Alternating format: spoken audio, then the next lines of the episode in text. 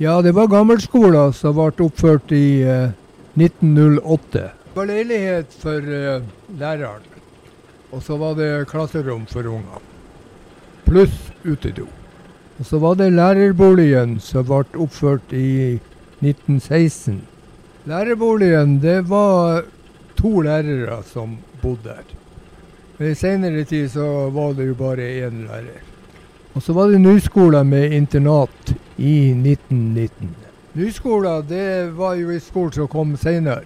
Og den eh, bodde en familie på toppen som eh, betjente ungene som overnatta på Bedell der fra Sagmo.